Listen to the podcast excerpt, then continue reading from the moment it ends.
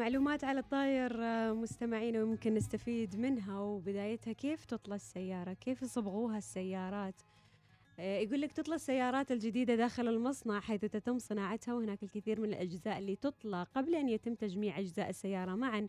وإذا أراد مالك السيارة أن يعيد طلاءها لأي سبب من الأسباب مثل الخدوش أو الكشط تذهب السيارة إلى ورشة إصلاح السيارات بغض النظر عن لون السيارة فإن مالكها يرغب في أن يبدو الطلاء لامعا ومصقولا يقولكم يطلي العمال السيارات باستخدام آلات, الرش داخل غرف كبيرة ونظيفة للغاية لأن إذا التصقت الأتربة والغبار بالسيارات فسيصبح الطلاء غير مستوي.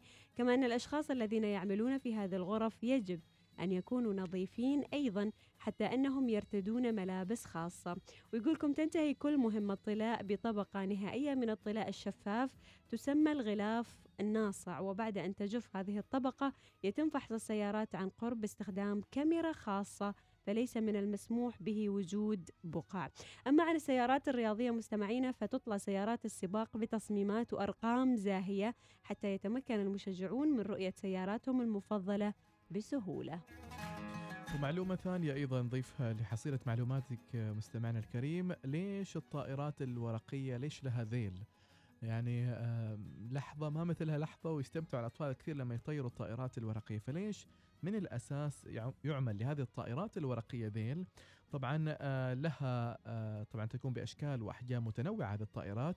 عندما تدفعها الرياح تصعد لأعلى فأعلى نحو السماء لكن في بعض الأحيان يعني يجن جنون الطائرة الورقية وتأخذ في الدوران حول نفسها أو تندفع مصطدمة بالأرض. آه، يمنح الذيل الطائرة وزنا يكفي لتثبيتها في الهواء وعندما تندفع الرياح إلى أعلى. مما تصنع الطائرات الورقية. طبعا بدأ الصينيون في إطلاق الطائرات الورقية منذ حوالي 3000 عام وكانت طائراتهم مصنوعة من الحرير. أما الطائرات الحديثة اليوم فمعظمها مصنوع من الورق أو البلاستيك أو من نوع من النايلون مقاوم للتمزق كي لا تتقطع بسهولة.